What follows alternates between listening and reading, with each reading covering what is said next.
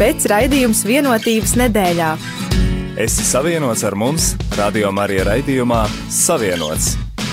Raidījums sadarbībā ar Kristīgo portālu Tuvumā.CLV. Uzklausām, vērtējam, izpētām un iesakām. Esi savienots!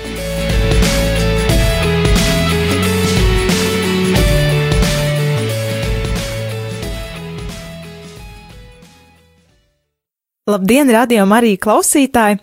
Ar tevi kopā speciāli vienotības nedēļai radīts raidījums Savienots sadarbībā ar kristīgo portālu tuvumā.lv. Es esmu Liena Bokmane un būšu raidījuma vadītāja arī turpmāk, kad varēsiet to dzirdēt regulāri katru trešdienu pulksteni piecos pēcpusdienā, sākot ar 7. februāri.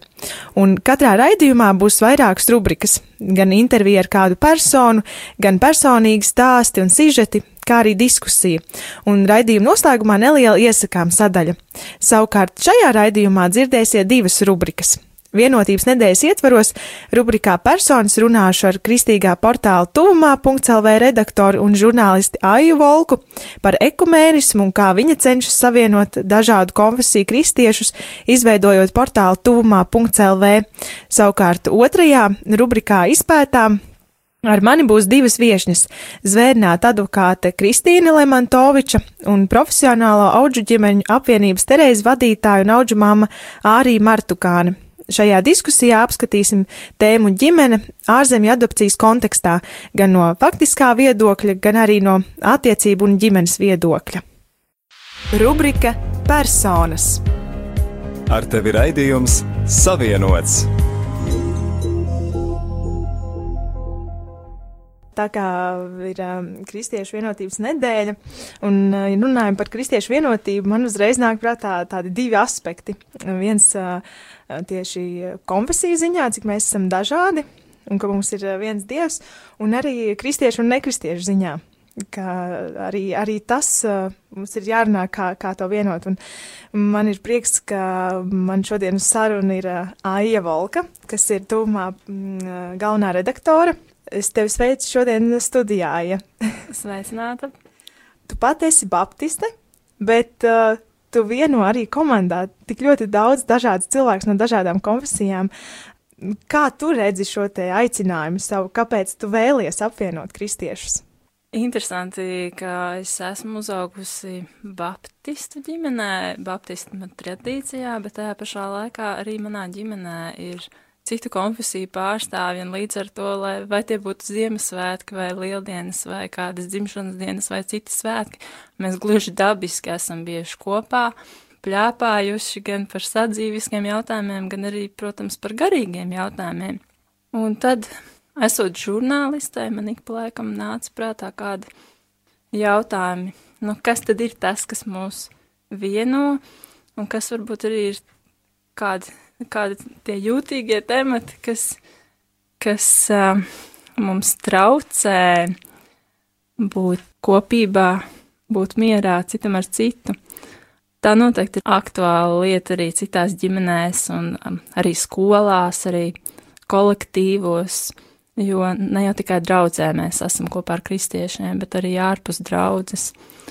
Un um, Tā kā es esmu žurnāliste, man, protams, ir ļoti svarīgi, kāda ir mūsu mēdīja vide, un tā es nonācu līdz aicinājumam, prezāk es uzdrošinājos beidzot un sapratu, ka nevajag to atlikt uz vēlāku laiku, bet ka ir jāķers klāt tam, kas jau man ir sen jau bijis bērnībā, um, tāda vīzija, ka jāveido ir kristīgs mēdījis, starp konfesionāls. Un, um, ievērojot arī to, kādas ir mūsdienu tendences, proti, tam ir jābūt internetā, ir jādarbojas arī aktīvi sociālajos tīklos. Tūmā ir arī eh, raksts uh, par tevi, un uh, tu tur mini par konkurenci, ka konkurence rada salīdzināšanos, un savā ziņā dažādas konfesijas uh, ir kaut kādas atšķirības katrai, un kā tu m, tagad redzi Mm, ir tāda konkurence kaut kāda starp konfesijām, viens tur mēģina izcelties vai, vai kaut kā, kā tu to redzi? Un, jā. Ļoti jauks jautājums.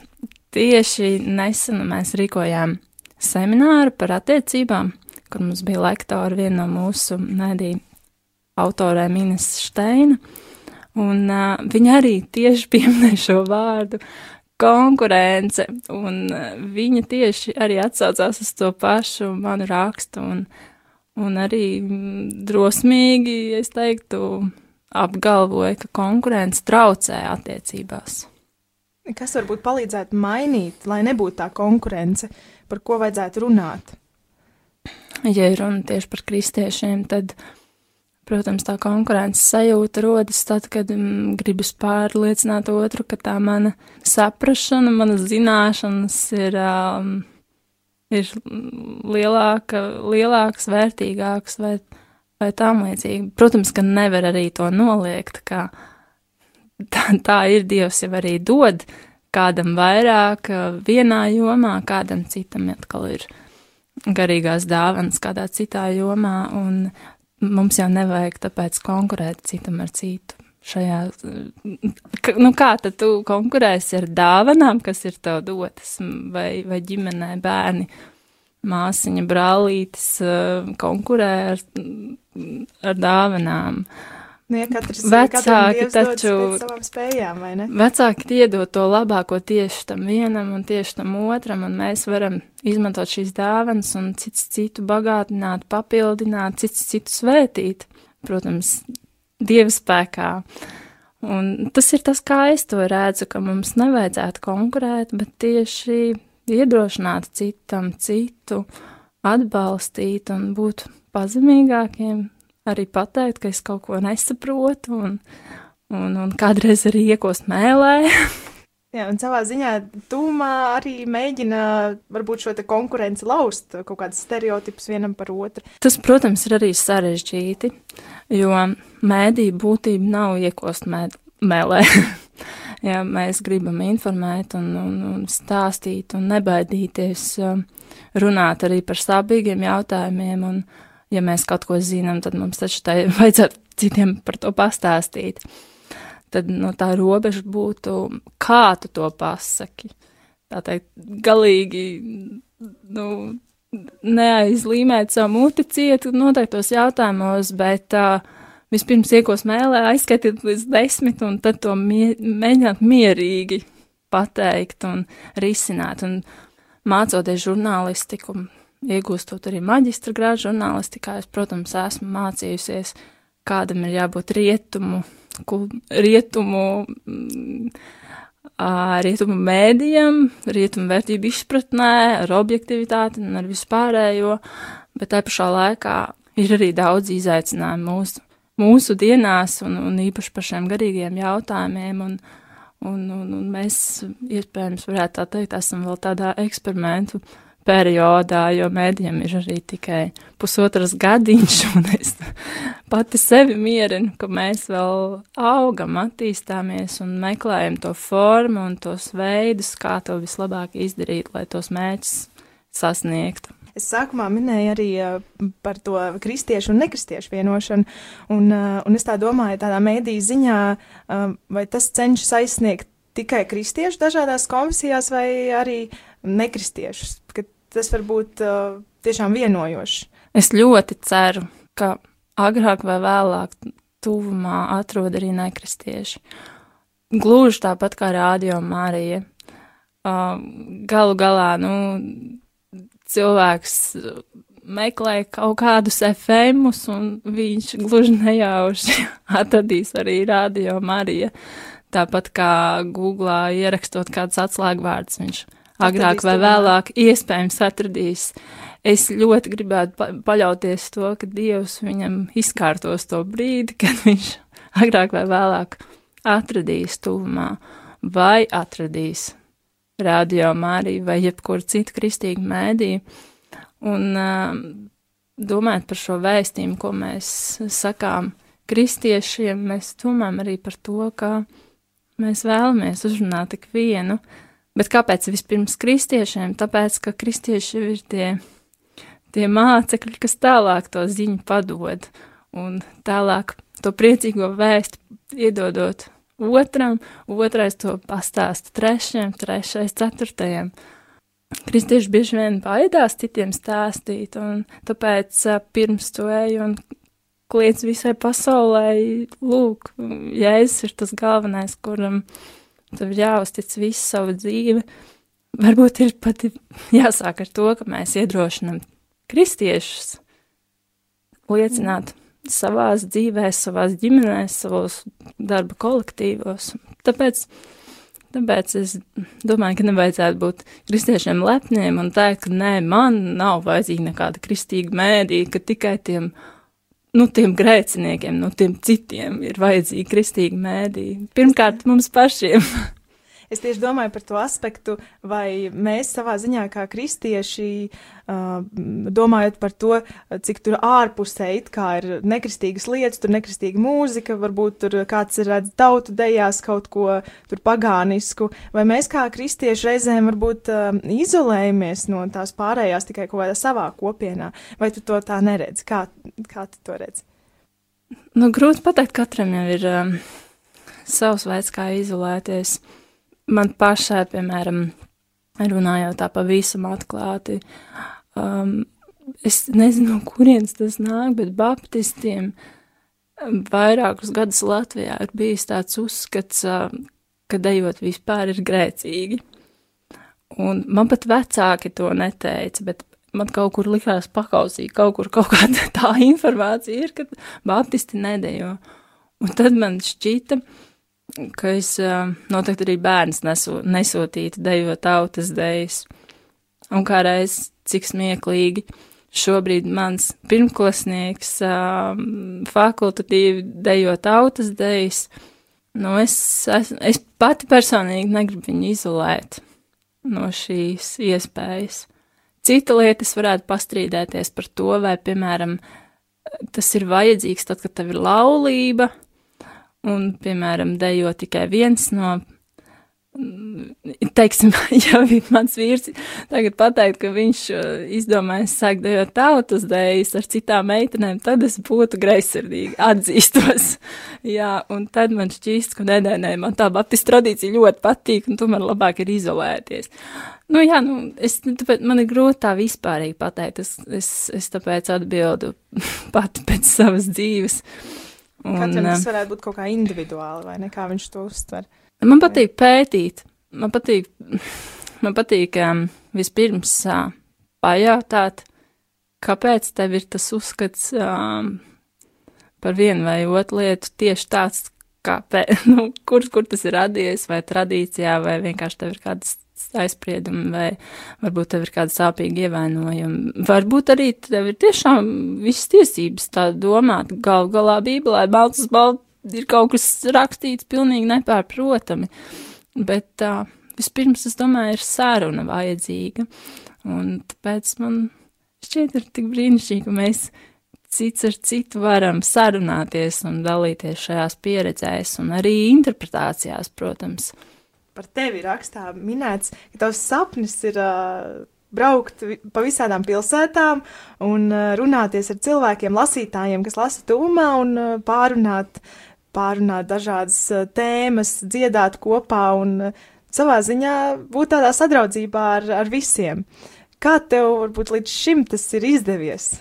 Jā, man šķiet, ka šim sapnim saknes ir jau stipri, stipri sen, jo agrāk es dziedāju bērnu vokālajā ansamblī Palāsītis, un mēs ļoti bieži braucām tādās koncerturnējās apkārt pa dažādām vietām, un ciemojāmies tiešām dažādās draudzēs, mums bija koncerti, Un man tā patika pēc tam tās pasēdēšanas pēc šiem koncertiem ar draugu mācītājiem vai, vai aktīvistiem, kas mūs sagaidīja, kur bija, kur bija sadraudzība pie tējas. Un, un tad man likās, ka tur taču vajadzētu noteikti kādiem braukt brīvprātīgiem, piemēram, svētdienas skolas vadīt. Ja, nu, ja bija kādas draudzes, kur, kur teica, ka, ka cilvēki ir aizbraukuši prom, nav kas vada, un, un tad, tad man vis, visādas grandiozās idejas bija, kā, kā varētu, kā varētu palīdzēt un atbalstīt, un, un tā tas sapnīts bija, izbija kaut kur dziļi nogulās. Un, un, jā, nu, tu minēji mēdīju, bet, bet ir jāsaka, ka mēdīja atbalstītājs, un, un tas dibinātājs ir tieši nodibinājums Kristīga dzīvesveida izpētes fonds. Un tieši sākot no šī gada mums ir plāns reizi mēnesī rīkot pasākumus dažādās vietās, kur mēs tiešām gribam aci pret aci satikties ar cilvēkiem un dažādu konfesiju cilvēkiem, un, un lai tā komunikācija nebūtu tikai virtuāla. Protams, ka ir brīnišķīgi, ir šīs iespējas virtuālā komunikācija. Pirmkārt, mēs varam izziņot par šiem pasākumiem, mēs varam sagatavot kādās tēmās, vai arī pēc tam reportāžas kaut vai um, publicēt, bet tomēr nekas nestāv līdzās klātienes komunikācijai. Es ceru, ka beidzot ir pienācis tas īstais laiks, lai tiešām šo sapni īstenotu. Tā kā, ja ir kādi, kas vēlas sadarbībā ar mums veidot kādus, kādus pasākumus, tad viņi ir laipni, laipni aicināti pieteikties. Un es zinu, ka ļoti daudzi jau rīko pasākums, un tāpēc ir atkal jāsaka, cik brīnišķīgi, ka daudz mēdīju jau ir un par kristīgiem mēdījiem, ka viņi jau, jau regulāri arī informē par šiem pasākumiem, kur cilvēki var iet un piedalīties. Es arī īstenībā kā no komandas, komandas loceklis varu teikt, ka, uh, manuprāt, tie pasākumi mūs parasti vieno tā, un uh, tā ikdienas komunikācija ir tāda virtuāla, ka tu esi tas atskaites punkts, kur visi varbūt satiekās, vai ne? Un tad, kad uh, klātienie tiekās, pat tad, ja tu neesi klāt, tad, ā, tu arī ar tuvumā esi saistīts, ā, tu arī, un tad kaut kā sanāk. Un īstenībā jau noslēgumā es tev gribu jautāt, uh, medijs ir jauns, savā ziņā, vai ne? Un kā tu redzi pēc pieciem, desmit gadiem, kā tas varētu izmainīt kaut kādu domāšanu pa, par konfesijām, kaut kā, kā, kā tu redzi, kāda būtu tā attīstība? Man šis jautājums man atgādina, kā bija pirms kādu laiku es mūsu fondu valdes locekļiem teicu, mums vajadzētu ieviest kaut kādus mērījumus, lai mēs saprotam, kurā gadā bija tāds līmenis un kurā gadā bija tāds līmenis. Un tad man puiši, kā jau racionāli domājošāki, atbildēja, nu, nu kā tu tiešām taisies pēc pasaules miera pētījumiem pateikt, kāda ir, kā tuvumā ir ietekmējis. Es domāju, nē, nu, es jau esmu droši vien traka, jā, jo tas ir tā kā piliens jūrā, bet man arī tieši gribējās kaut kādu atskaites punktu, nu, sajust to, ne, ka kaut kā, ka ir tas rezultāts. Mēs vēl domājam. Es patiešām domāju par to, kā pēc kādiem kritērijiem saprast, jo Redz, viena lieta ir izdalīt uh, paciņas, kas ir, protams, ļoti labi, ka tu izdalīji paciņas ar ēdienu cilvēkiem, kuriem tas ir vajadzīgs, bet kā tu vari novērtēt to, kāds labums ir no šīs garīgās barības, kas, protams, arī ir vajadzīga. Tu nevari uzrakstīt atskaitē, kad viņš uh, tik un tik cilvēki jutās pāduši. Nu jā, tad jau mēs redzēsim, kas būs pēc pieciem, kas pēc desmit gadiem, un kā tu teici, tas kā piliens jūrā. Man liekas, ja mēs katrs uh, uztveram un uh, apzināmies to savu lomu tajā visā, ka, ka mums ir viens dievs un ka mēs katrs varam būt atšķirīgs, bet katrs varam pienest kaut ko, tad. Uh... Starp citu, tieši es tikko atcerējos, vakar mēs runājām ar mūsu komandas cilvēku Lauri Kroli, kurš arī ir katoļu puisis, viņš bija lasījis kaut kur pētījumu, nezinu vairs atsauci, bet viņš teica, ka esot viens parēķinājis, ka ja katrs kristietis evanģelizētu, uh, nu tā kā, kā mentori to dara, ka tu apmāci kādu, un tad tas nākamais apmāca vēl nākamo, nākamais vēl nākamo. Ja tā tas tiešām būtu, un katrs nākamais kļūst par kristieti, tad simts gadu laikā viss pasauli būtu kristieši. nu, redz, nu, lai, lai tā notiek. Teikšu tev paldies, ka tu atbrauci. Jā, paldies, ka tu biji šeit. Paldies, ka uzaicināji. Šī bija intervija ar kristīgā portāla tuvumā.lv galveno redaktoru un žurnālisti Aiju Volku rubrikā Personas.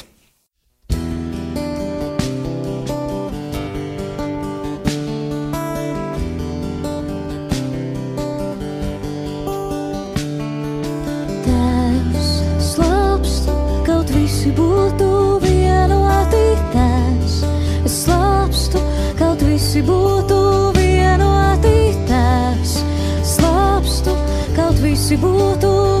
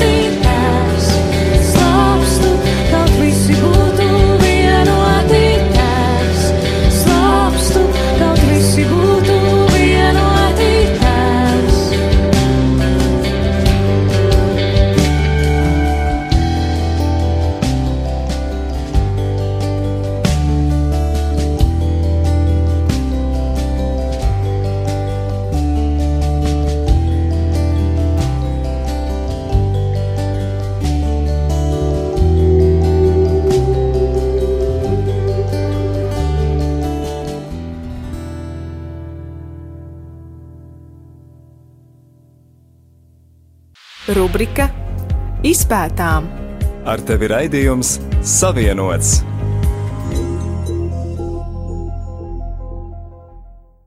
Šajā diskusijas sadaļā šodien mēs uh, diskutēsim par adopciju uz ārzemēm. Un medijos dzirdēti ļoti daudz un dažādi viedokļi par to, uh, vai tas ir labi, vai, vai pat ir izskanējis, ka tā ir bērnu tirdzniecība un kas tik vēl ne. Bet uh, es gribētu paskatīties šodien uz šo, šo šo aktuālo tēmu, uh, lai apskaidrotu un saprastu, um, par ko ir šī visa až ažiotāža un, uh, un savā ziņā, lai, uh, lai mūs visus samierinātu, nomierinātu, kas tas, kas tas viss ir. Un uh, šodien uh, man ir prieks, ka ar mani ir uh, arī divi viesi, un uh, viena ir uh, zvērnāta advokāte Kristīna Lemontoviča. Labdien! Labdien! Un uh, otra viešņa ir uh, profesionālo auģu ģimeņu apvienības Terēza vadītāja un auģu māma Ārī Martukāne. Labdien! Man ir prieks, ka jūs atnācāt, un jūs arī ļoti daudz visādos mēdījos jau esat dzirdētas un viss kaut kur. Bet vispirms gribu jautāt Kristīnai, kāpēc ir tāda ažiotāža, kāpēc ir tik dažādi viedokļi un kāda ir tā statistika, ja īsti nav pat to gadījumu, varbūt, kad būtu tiešām kaut kāda bērnu tirzniecība, kāpēc uh, ir sacelts kaut kas, kaut kas tāds? Jā, jautājums ir ļoti interesants. Droši vien, diemžēl, es nevarēšu pateikt atbildi, kādēļ tieši šobrīd. Varbūt tas ir tāpēc, ka nāk vēlēšanas, tas ir mans minējums. Bet, eh, protams, eh, par šo jautājumu tiek diskutēts ik pa laikam. Un, Un tas ir aktuāls, tāpēc, ka uh, mums pirmkārt rūp mūsu bērni, un tas ir ļoti pozitīvi.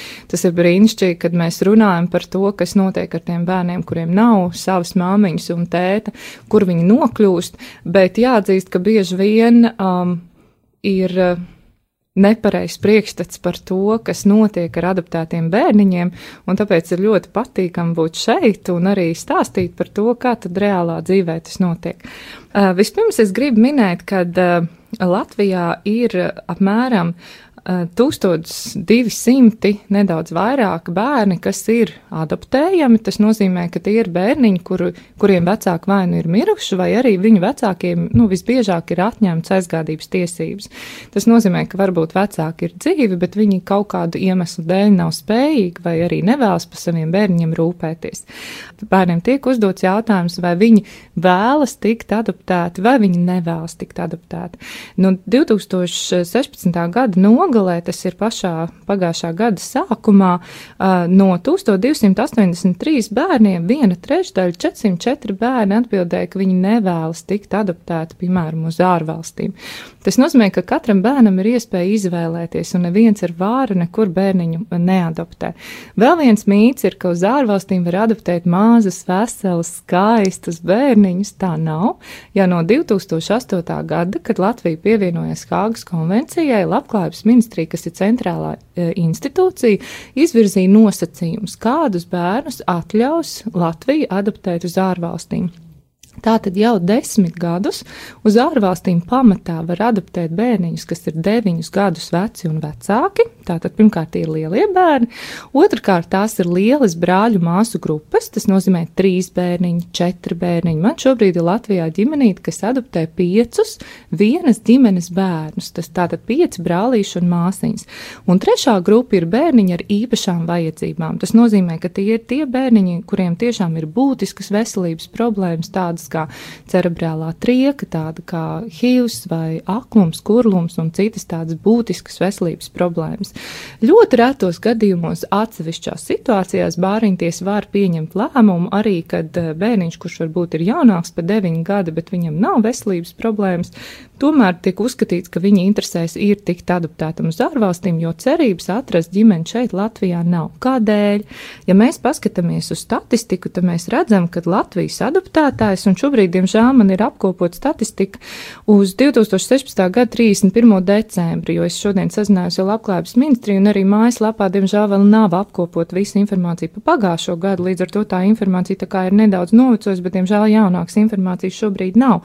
Un ja mēs paskatāmies uz skaitļiem, tad mēs uzskatām, redzam to, ka Latvijas adoptētāji pārsvarā vēlas bērniņu līdz pieciem, sešiem, eh, nu, da, eh, reti kurš var būt līdz septiņiem gadiņiem. Jāatzīst, ka, protams, tā tendence pieaug, ja gadus četrus, piecus, ka apakai bija bērniņi pārsvarā līdz trīs gadu vecumam, tad tagad tomēr tā tendence uh, ir, kad Latvijas adoptētāji ir gatavi ņemt ar vien vecāku bērniņu, bet tomēr nav pilnīgi neviena Latvijas adoptētāja, kas šobrīd gribētu gribētu ņemt bērniņu, kuram ir 9 gadi, 10, 11, 12, 13, 14, 15, 16. Tas nozīmē, ka šim bērniņam iespēja uzaugt ģimenē nav, bet bērnam pats svarīgākais ir māma un tētis, un tiekoties ar šiem bērniem, viņiem acīs ir tikai vienas ilgas ļoti bieži, un tas ir, es gribu savu māmu un savu tēti, un tādēļ man šķiet, ja mēs varam atrast viņam ģimenīti šeit Latvijā, tad mums tas ir noteikti jādara. Bet ja mēs kaut kādu iemeslu dēļ nevaram vai nevēlamies, vai mums nav kapacitāte to izdarīt, tad mums jādod iespēja šim bērnam atrast māmiņu un tēti kaut kur citur. Un arī adopcijas kārtības likumā ir, ir likuma pants par to, ka, ka uz ārzemēm var adoptēt tikai tad, ja Latvijā tas nav iespējams, ja to nevar izdarīt. Jā, un vēl es gribēju par, par tiem pusauģiem un arī neveseliem bērniem, varbūt tā arī varēs uh, pakomentēt. Uh, kāpēc ģimenes Latvijā nevēlas adoptēt uh, bērnus, kas ir pusauģi vai kas ir neveseli? Kāpēc tā ir?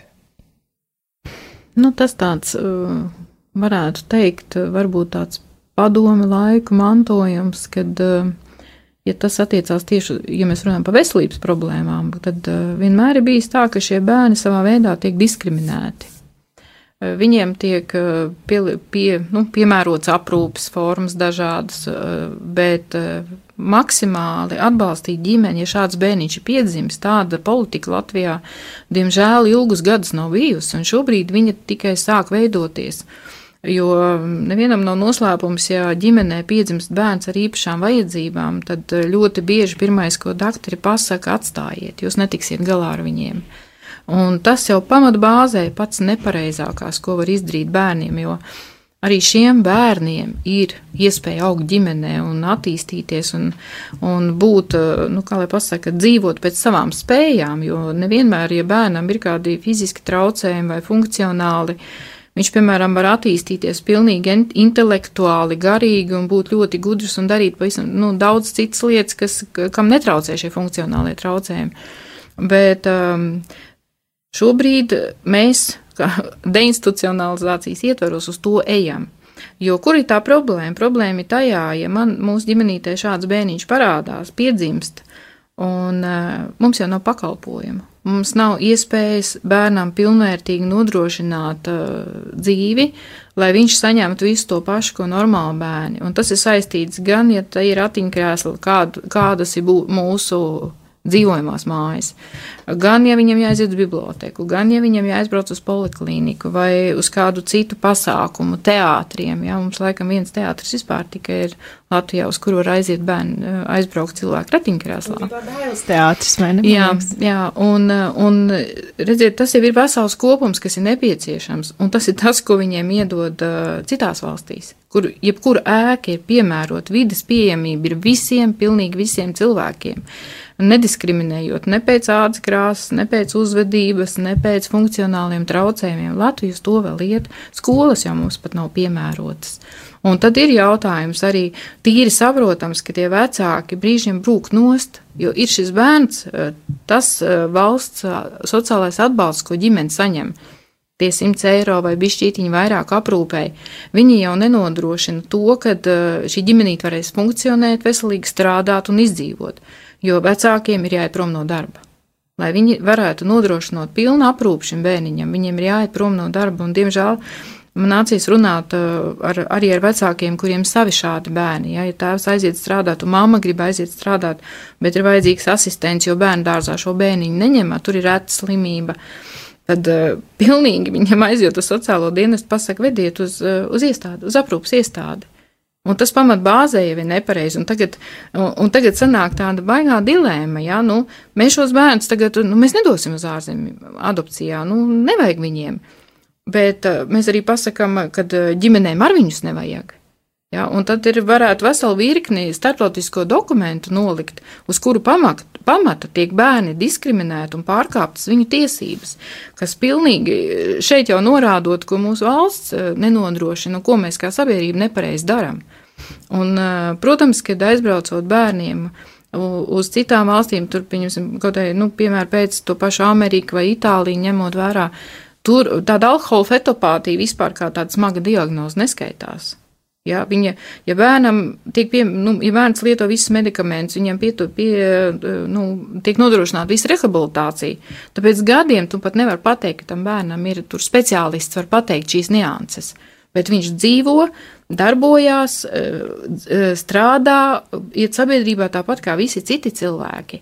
Un uh, tikai speciālists pamanīs, jā, ka viņam ir kaut kādas īpašās vajadzības. Viņš varbūt ne tik ātri uztver, viņš varbūt ne tik ātri izdara, viņš varbūt viņam kaut kādas maziņu dāvis daļiņa nestrādā, viņš varbūt nenoreaģē tik ātri uz kaut kādiem tur noteikumiem vai prasībām, bet viņš var dzīvot pilnvērtīgu dzīvi. Un te jau tas sākās tā pamat bāzi, uz kuru pamata, ka, kad tu redz, ka lietas nepareizas ir. Un nav jau runa par to, ka uh, kāds no mums vēlētos uh, teiksim, um, nu, visus tos bērnus dot prom, kā tas tiek pasniegts, vai ne? Bet tā vēlēšanās lielākā ir, lai bērni būtu, lai viņiem būtu šīs iespējas dzīvot pilnvērtīgu dzīvi. Iespējas, iedot viņam iespējas, un ja valsts uz to iet, un tas ir labi, ka šis jautājums tiek pacelts, tad sākam ar to, ko mēs turpmāk nodrošināsim Kaut vai tiem 50 bērniem, kam šobrīd ir iespēja aizbraukt un tomēr dzīvot veselīgi un pilnvērtīgu dzīvi, šeit Latvijā to pašu. Jo te ir tā dilēma, nu, aizliedzam, jā, labi, kas notiek tālāk? Jā, ir jābūt koncepcijai, ir jābūt rīcībai, ir jābūt uh, noteikumiem, ir jābūt pakalpojumiem, Un ticiet man, tajā brīdī, kad ģimene varēs savu bērnu neādot iestādē un pati rūpēties par viņu, pirmkārt mums saruks to bērnu skaits, kur ir iestādēs ar šīm problēmām. Mums viņu vienkārši uz pusi būs mazāk. Nu, un ar to otro pusi skatīsimies. Nu, tad ir tās specializētās auģimēs vai adoptētāji, jo arī šobrīd jau vietējais adoptētājs jau uzdrošinās paņemt bērnu arhīvu vīrusu uzdrošinās paņemt bērniņu ar uh, Dauna sindromu adopcijā, bet uh, viņi, viņi zina, uz ko viņi iet, jo tas būs smagi, tas būs grūti. Nerunāsim jau vairs pat ne tikai par pakalpojumiem, bet runāsim arī kā mūsu dārziņš. Pirmskolas izglītības iestādes, kā viņi šo bērniņu pieņems, kā skola pieņems, ko viņi, kādu korekcijas programmu viņi nodrošinās. Vienīgais, nu, tas, kas tagad šobrīd arī saistībā ar internātu skolām, nevajag likvidēt speciālās internātu skolas, bet vai tā ir tā vienīgā vieta, kur bērnam augt? Viņiem varbūt labāk tomēr ir tā parastajā skolā integrējoties. Jo, teiksim, citās valstīs, kur šie bērni mācās, viņi mācās parastajā skolā. Viņiem nav speciālās skolas. Pilnīgi atvērta, integratīva sabiedrība, kur ir gatava arī pieņemt to savādāko, to, to varbūt netik veiksmīgo, varbūt netik izskatīgo, bet viņš ir tāds pats cilvēks kā visi citi. Un te es taisni domāju, ka faktiski šis jautājums dziļi aizskar un parāda mūsu sabiedrības spēju vispār šos bērniņus pieņemt, vispār kā mēs uz viņiem skatāmies, ko mēs viņiem nodrošinam. Būtībā mums arī vajadzētu pastīties, kā mums pieņemt, vai ne? Un īstenībā runāt par to, kā, kā pieņemt, kā attīstīt um, šīs te visas lietas. Bet uh, es gribēju vēl par vienu aspektu parunāt.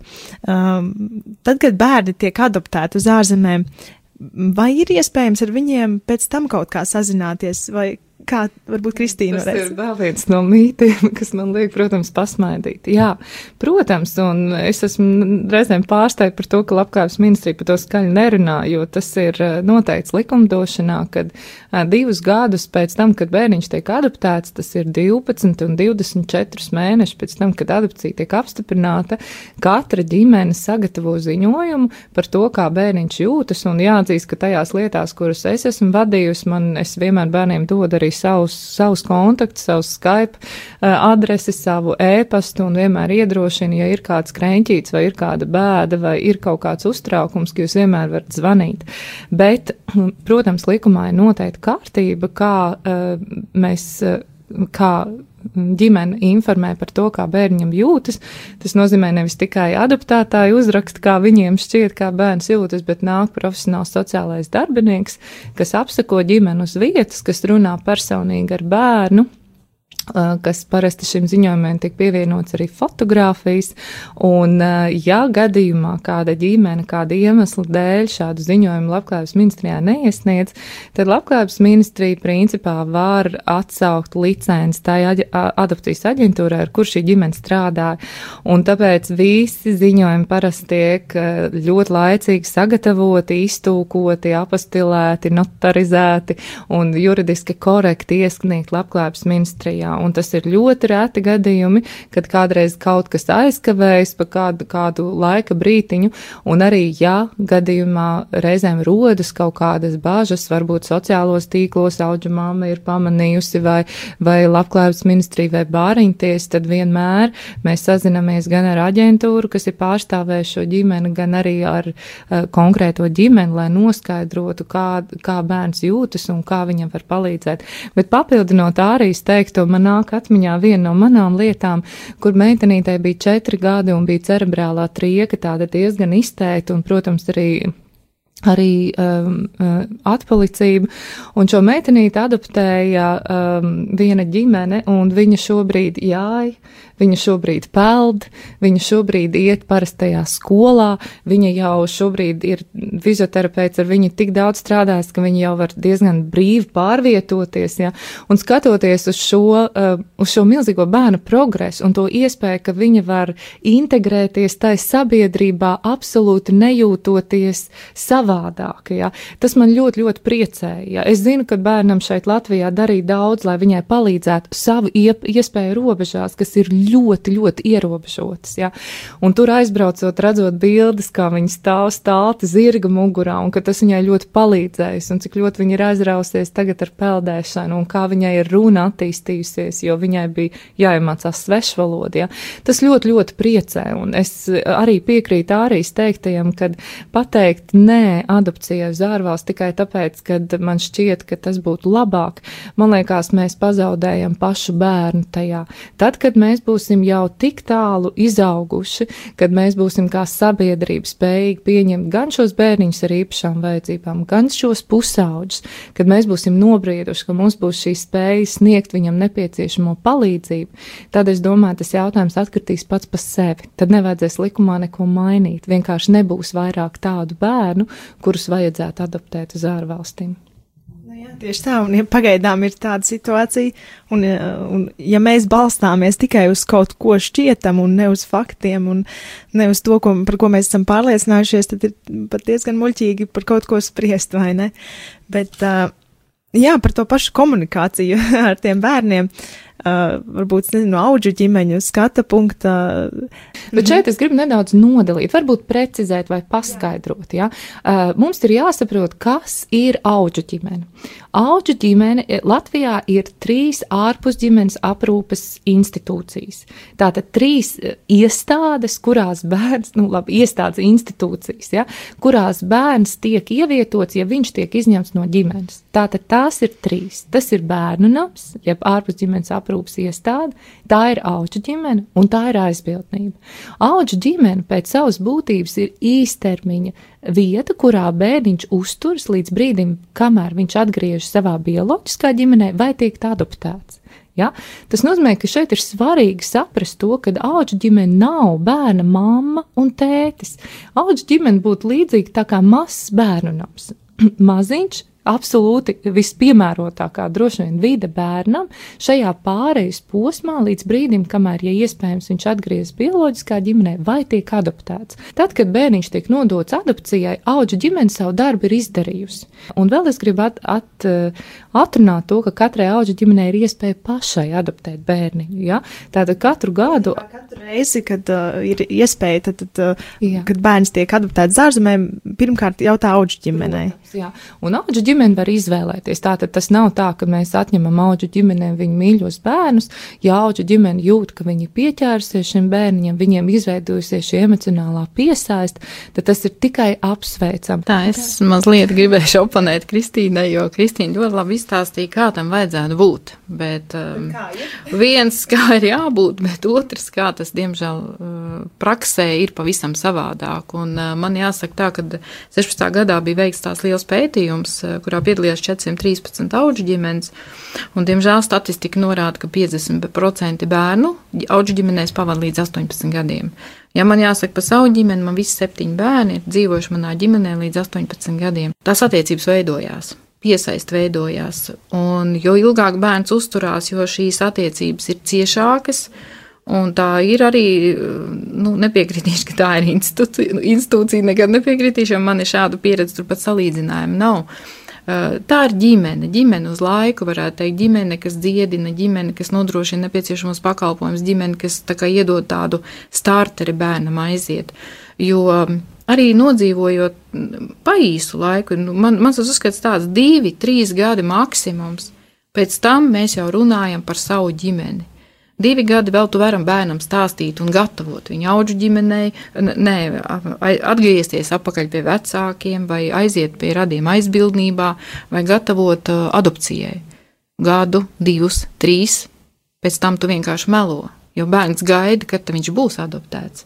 Uh, pusauģi gan var pavadīt ģimenē ilgi, un izvēlēties tomēr ārzemju adopciju. Un lielākā daļa, cik es ar tādiem jauniešiem esmu runājis, jo te mēs runājam jau par jauniešiem, mēs runājam arī 12 gadīgs, 13 gadīgs e, e, bērns jau, kas tā kā ir pusaudzis un jau kāpj ar vienu kā jauniešu vecumā iekšā, viņi ļoti skaidri izvērtē iespējas. Kādas man iespējas ir šeit Latvijā? E, liela daļa jau zina, man paliek 18 gadi, kas tam pienākās. Jo tas arī viens no auģiņu uzdevumiem man skaidrot bērnam. Viņš tagad dzīvo pie manis, mēs ļoti daudz runājam, tev paliks 18. Kāpēc tev ir jāmācās, kāpēc tev ir jādara? Jo tev paliks 18, tu saņemsi savus 64 e, eiro Un tev par šo naudu vajadzēs izdzīvot, tev par šo naudu vajadzēs mācīties, tev par šo naudu vajadzēs paēst, tev par šo naudu vajadzēs samaksāt uh, telpu, kur tu dzīvosi. Jo arī tu vari stāties 18 gados rindā uz dzīvokli, bet kad viņš tev pienāks, mēs to nezinām. Tā ir auģu ģimeņa brīvā griba palīdzēt, vai, vai, un ne visiem arī ir iespēja. Jā, ne visiem ir mājas, ja man ir viens stāv, divi stāv dzīvoklis, kurā, nu, viens stāvs nevarēs būt, divi stāv, trīs stāv, un es esmu auģi ģimene, man ir atnākuši citi bērni.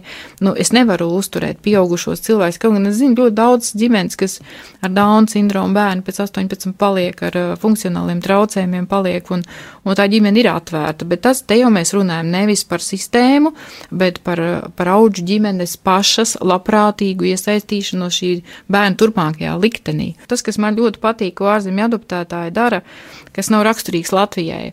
Eh, viņi uztur šīs radnieciskās saites. Ja ir bijušas kaut kādas brāļu māsu šķiršanas, nu, kāds no viņiem ir bijis vecāks, tad, eh, ja pilngadīgs mazāk ir aizgājuši adopcijā, tad viņi arī šiem bērniem piedāvā iespēju braukt ciemos. Viņi piedāvā iespēju braukt mācīties. Atbraucot uz Latviju ciemos, es zinu arī ģimenīti, kur regulāri brauc uz kapiem pie, pie mirušās vecmāmiņas, apciemo visus radus iespējamos. Tā kā apzināti, ļoti daudz ģimenes apzināti uztur šo saikni ar Latviju, ar Latvijas, Latvijā dzīvojušiem radiem ar kaut vai to pašu auģu ģimeni, ko viņiem it kā nevajadzētu darīt, ja? bet, ja tā auģu ģimene bijusi ilgstošāku laiku, nu, ir attiecības, ir, nu, sāp, nu, nu, man arī, ja man, es vienmēr domāju, kas ar tiem bērniem notiek, man bija viens tāds gadījums, ka man vajadzēja palaist, un bērns aizgāja apakaļ pie bioloģiskiem vecākiem ļoti, ļoti neveiksmīgi, nu, pusgadu nevarēja gulēt. Es pārdzīvoju, es zināju, ka viņam ir slikti, un te, te ir tas, kad, kad arī uz auģu ģimenēm nevar skatīties, nu, kā uz kaut kādām mašīnām, skat, kas atražo kaut ko. Nē, tur ir attiecības, tur ir mīlestība, tur ir sirsnība, tur ir šķiršanās sāpes, tur ir zaudējumi, un faktiski viņi iziet visiem tiem pašiem ģimenes principiem cauri, gan bērni, gan arī tā pati ģimene. Un jūt viņi tāpat kā, kā īstie vecāki un arī adoptētāji. Un, nu, nu tā, tā, diemžēl tā situācija Latvijā ir tāda, ka mēs nevaram tā šobrīd nošķirt, bet tas ir ar ko skaidrojums. Ar to skaidrojums, ka mums ir ļoti maz auģu ģimeņu. Ļoti maz. Un tāpēc ir viņas ir pilnas, viņās ir daudz bērni, bērni uzturās ilgstoši, Un uh, tas arī savā veidā apgrūtina adopcijas procesu kaut vai šeit pat Latvijā. Un mēs vispār varētu runāt par to, ka adopcija ir jāsakārto. Mēs tagad it kā runājam uz, uz ārzemēm, bet mums jau Latvijā adopcijas process nav sakārtots. Ja, un te mēs arī varam par daudzām lietām, kas ir nepareizs runāt, arī mūsu adopcijas procesos, mūsu adoptētājiem. Tā kā gan par pāraudzību, gan par to pašu um, sistēmu, kādā veidā tas notiek, kādi normatīvi ir. Normatīvi mums ir izstrādāti, ko ir bāriņties, normatīvi izstrādāti, kas ir adoptētājiem, bet mums nemaz nav normatīvu, kādā veidā tiek sagatavots bērns. Tā normatīva bāriņties likumā vispār tāda bloka nav. Ja, viņam vajadzētu būt primāri. Jā, kas notiek ar bērnu, cik bieži tiekamies, kādā veidā. Un tās ir visas sakārtojamas lietas.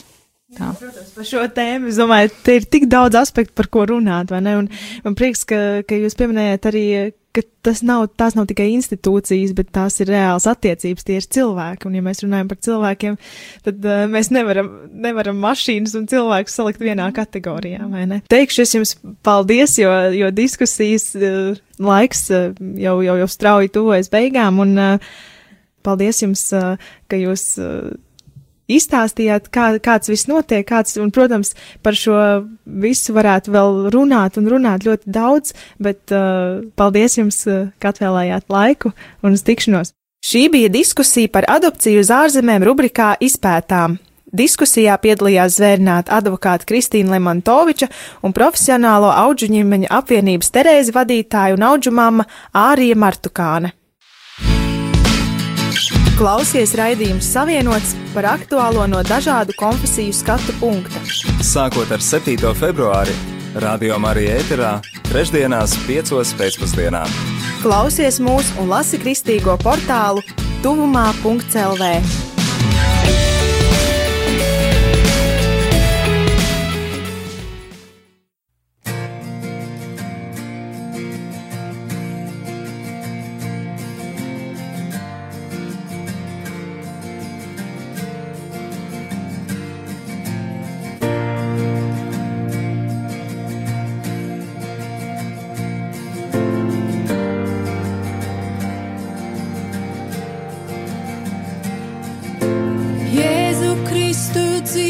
Dieva dēls, Tavs krustīgi brīnumains, skaists un cēls.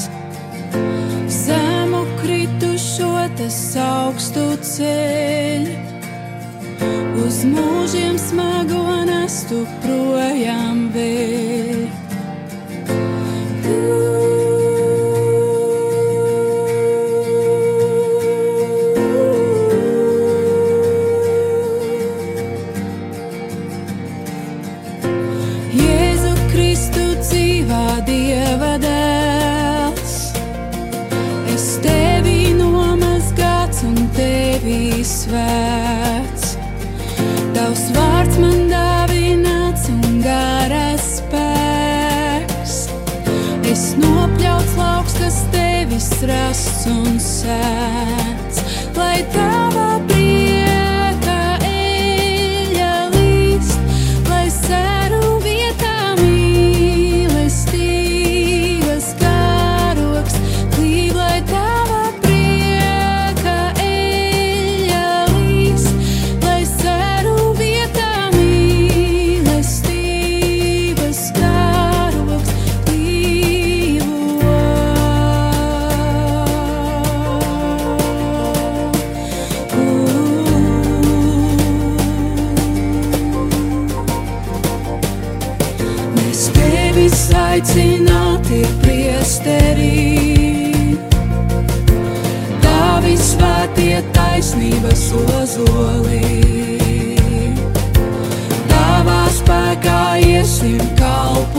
kalposim, izpostītos mūrus uzcelsim, lai tavā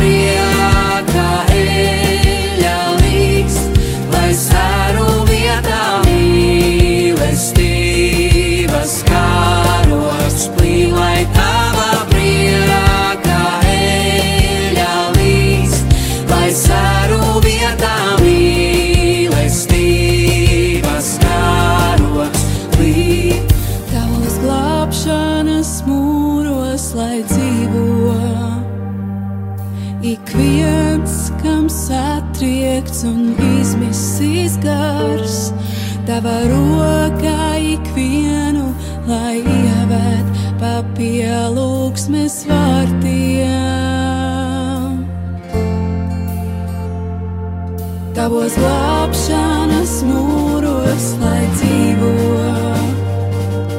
ik viens, kam satriekts un izmisīs gars, tava rokā ikvienu, lai ievēt pa pielūgsmes vārtiem.